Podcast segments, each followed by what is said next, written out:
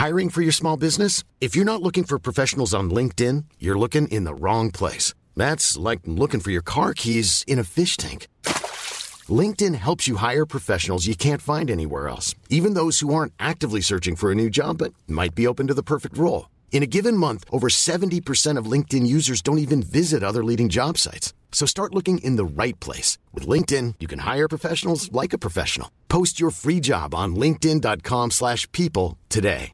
Hey, it's Ryan Reynolds, and I'm here with Keith, co-star of my upcoming film, If, only in theaters May 17th. Do you want to tell people the big news?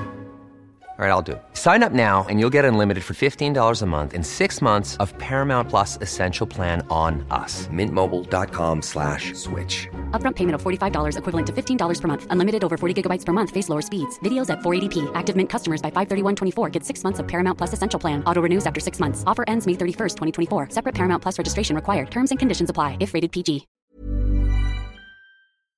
Du lytter til en podcast fra TV2.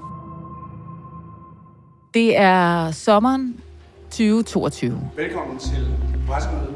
Og Venstre har indkaldt til et stort pressemøde. Der er fem Venstre-politikere, mener er til stede til pressemødet. Og det, de rigtig gerne vil, det er, at de vil fortælle om en ny beskæftigelsespolitik. Du forestiller dig at være statsminister i en regering, hvor en minister var dømt ved rigsretten. Prøv at høre, jeg kommer simpelthen... Det, der så bare sker, det er, at journalisterne vil meget hellere vide, om det er realistisk, at Inger Støjberg hun kan blive minister i en venstre-regering.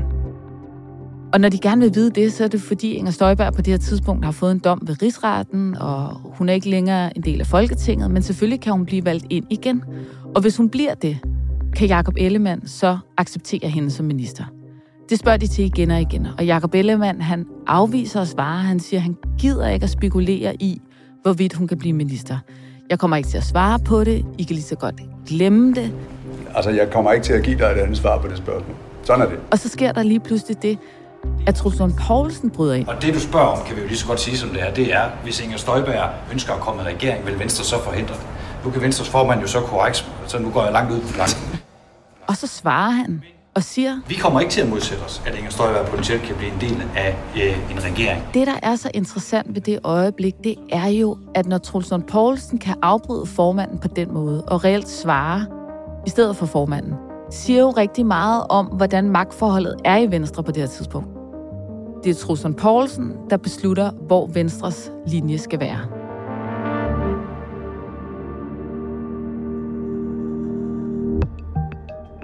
I weekenden skal Venstre vælge ny formand, men det bliver ikke svært. Der stiller nemlig kun én person op. Troels Lund Poulsen. En mand, som i årvis har nægtet at ville være formand. I hvert fald udad til. Hvem er den mand, der efter flere år at have styret et parti fra skyggerne, nu træder frem i lyset? Det er dato i dag. Og mit navn er Andrea Dragstad.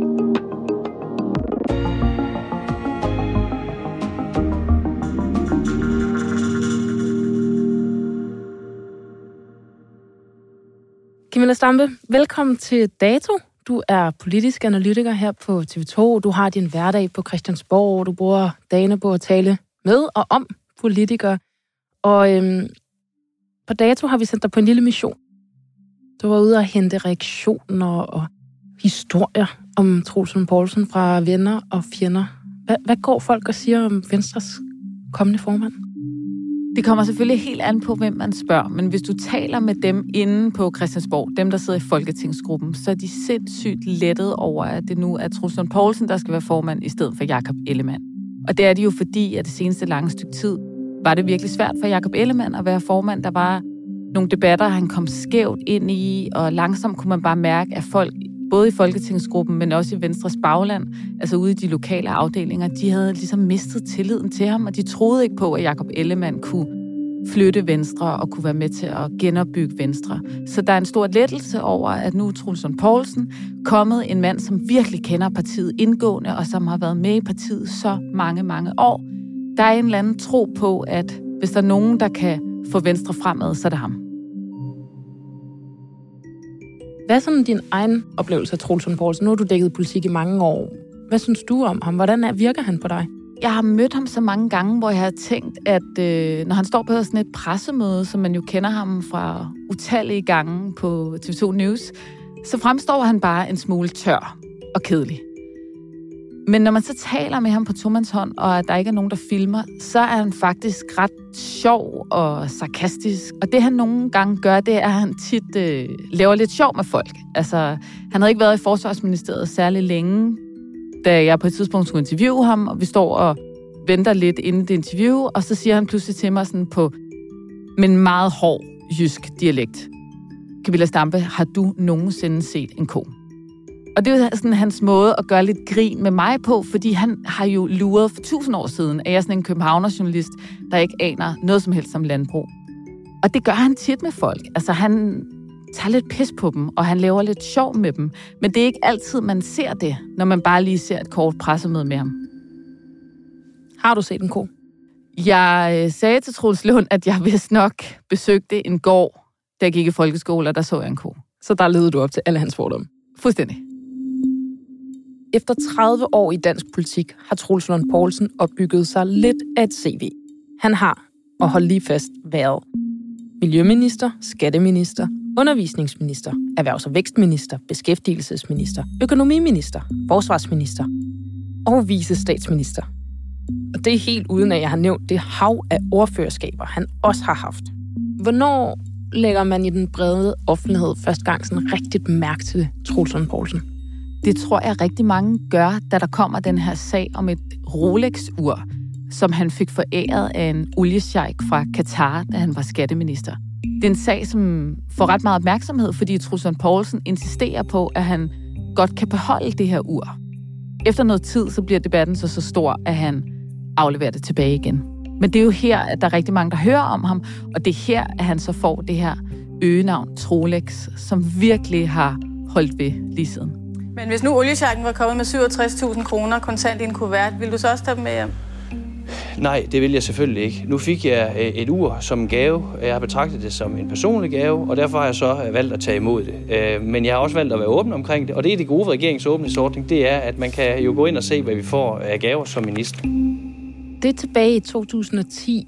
Hvis du skulle vælge et definerende øjeblik for Troels Lund Poulsen i hans politiske liv, hvor vil du så sætte fingeren? Så vil jeg helt klart sætte fingeren på den sag, der kommer umiddelbart efter, og som handler om, at den daværende oppositionsleder, som på det tidspunkt er Helle thorning Schmidt, hun får lækket nogle personlige skatteoplysninger til BT.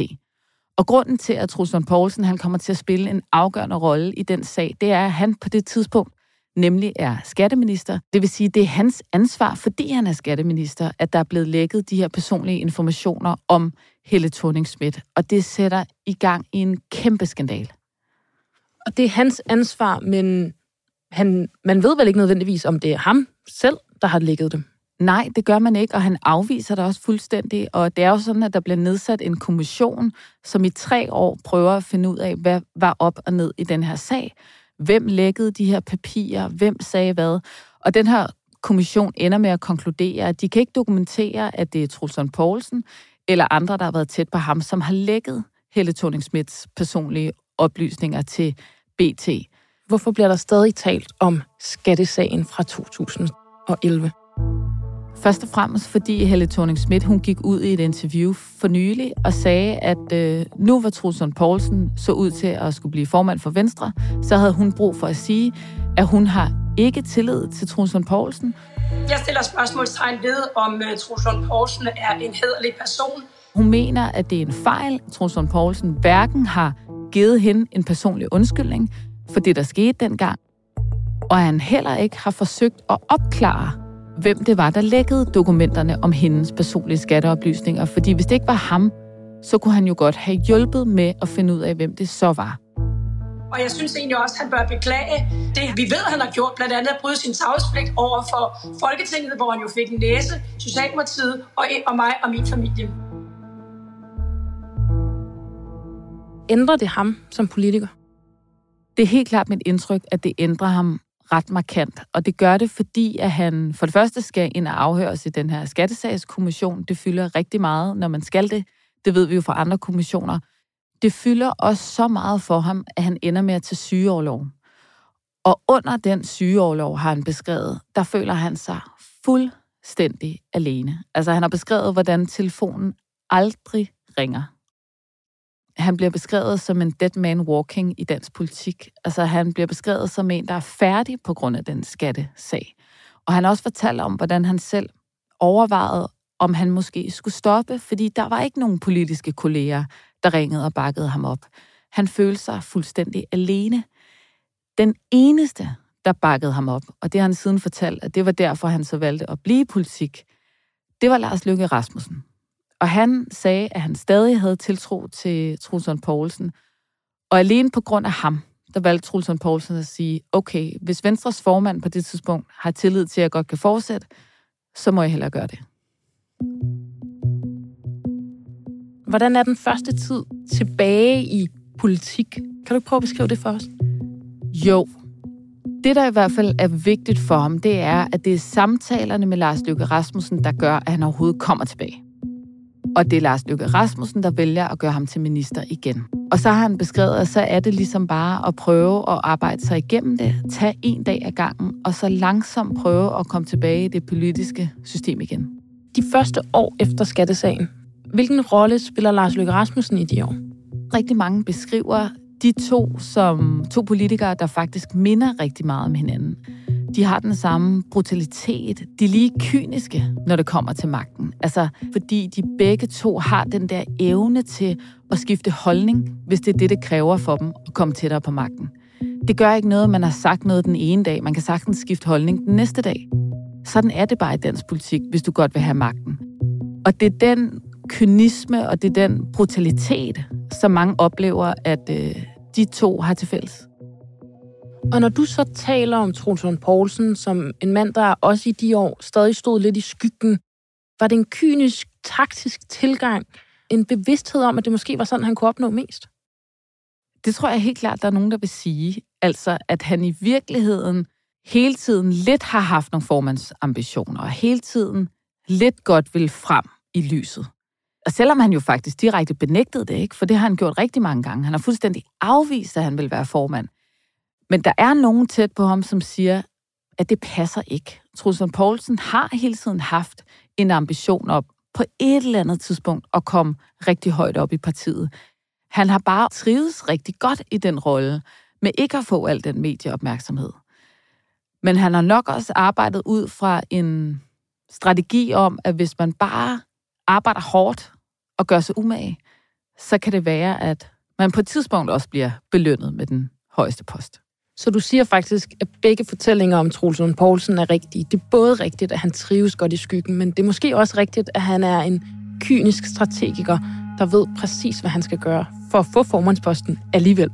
Helt klart. Jeg tror, at begge fortællinger passer, fordi at skattesagen var med til at neddrosle de ambitioner i en periode, men ambitionerne har hele tiden været der.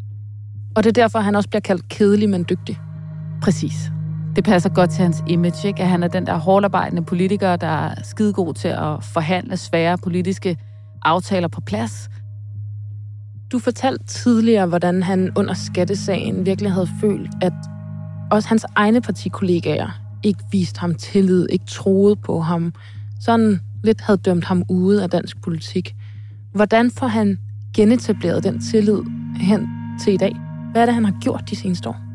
Det, han har gjort, det er, at han har lige så stille arbejdet sig tilbage og arbejdet sig op i partiet.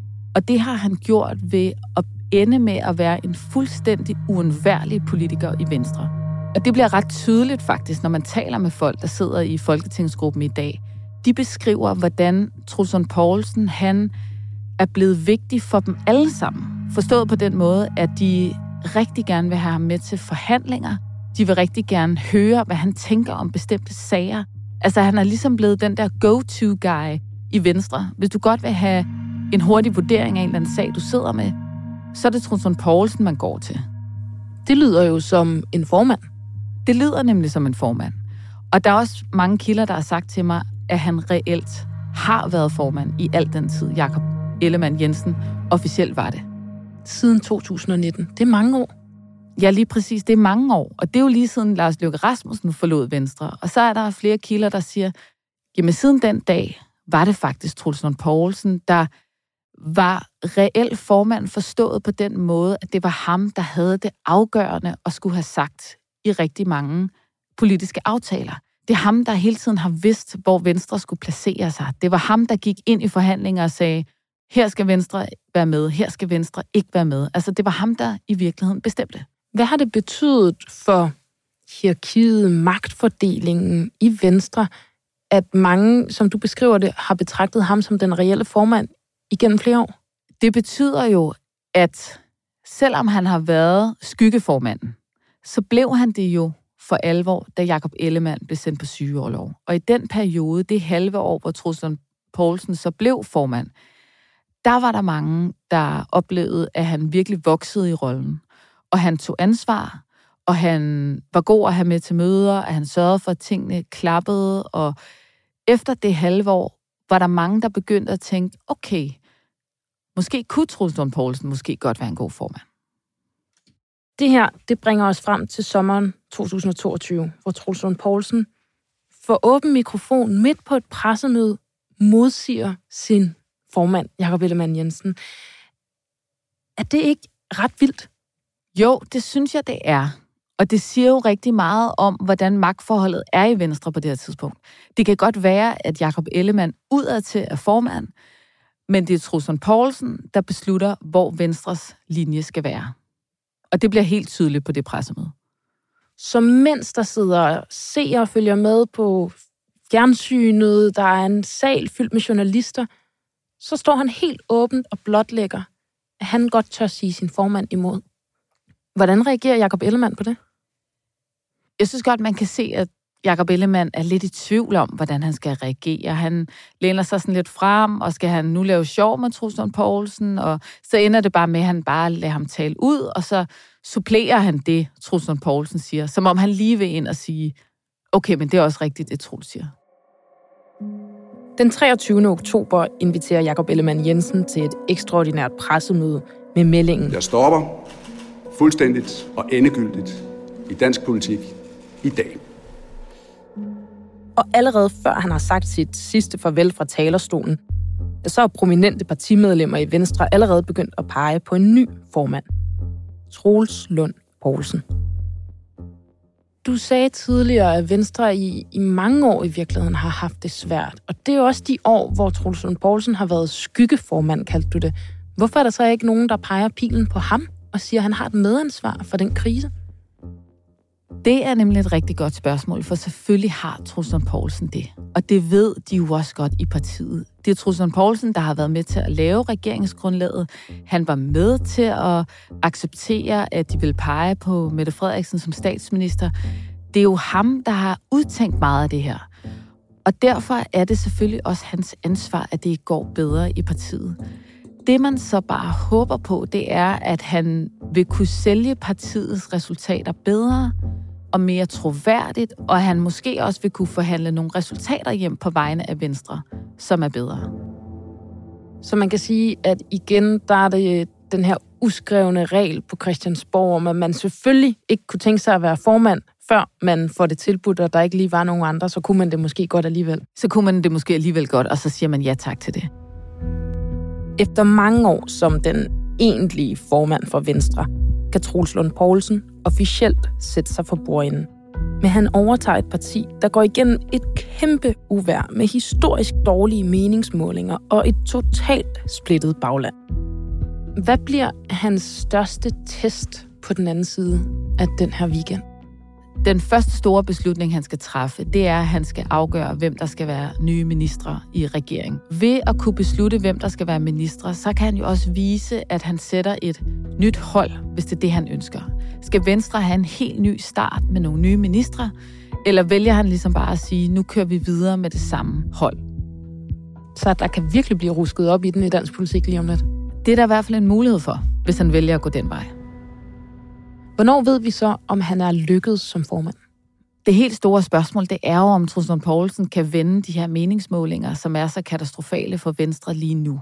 Og jeg tror, der er rigtig mange i partiet, der kommer til at kigge et halvt år og et år frem, og håbe, at når der er gået et år, så vil meningsmålingerne se bedre ud.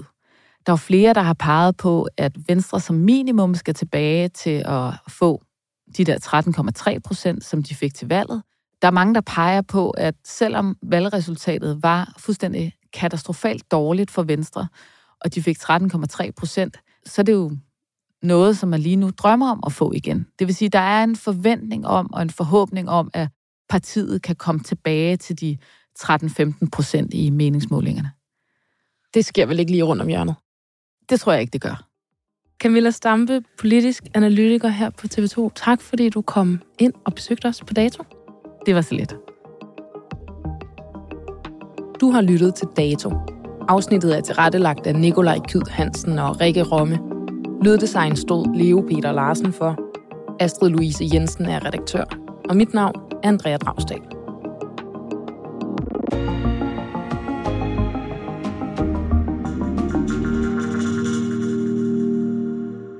Du har lyttet til en podcast fra TV2.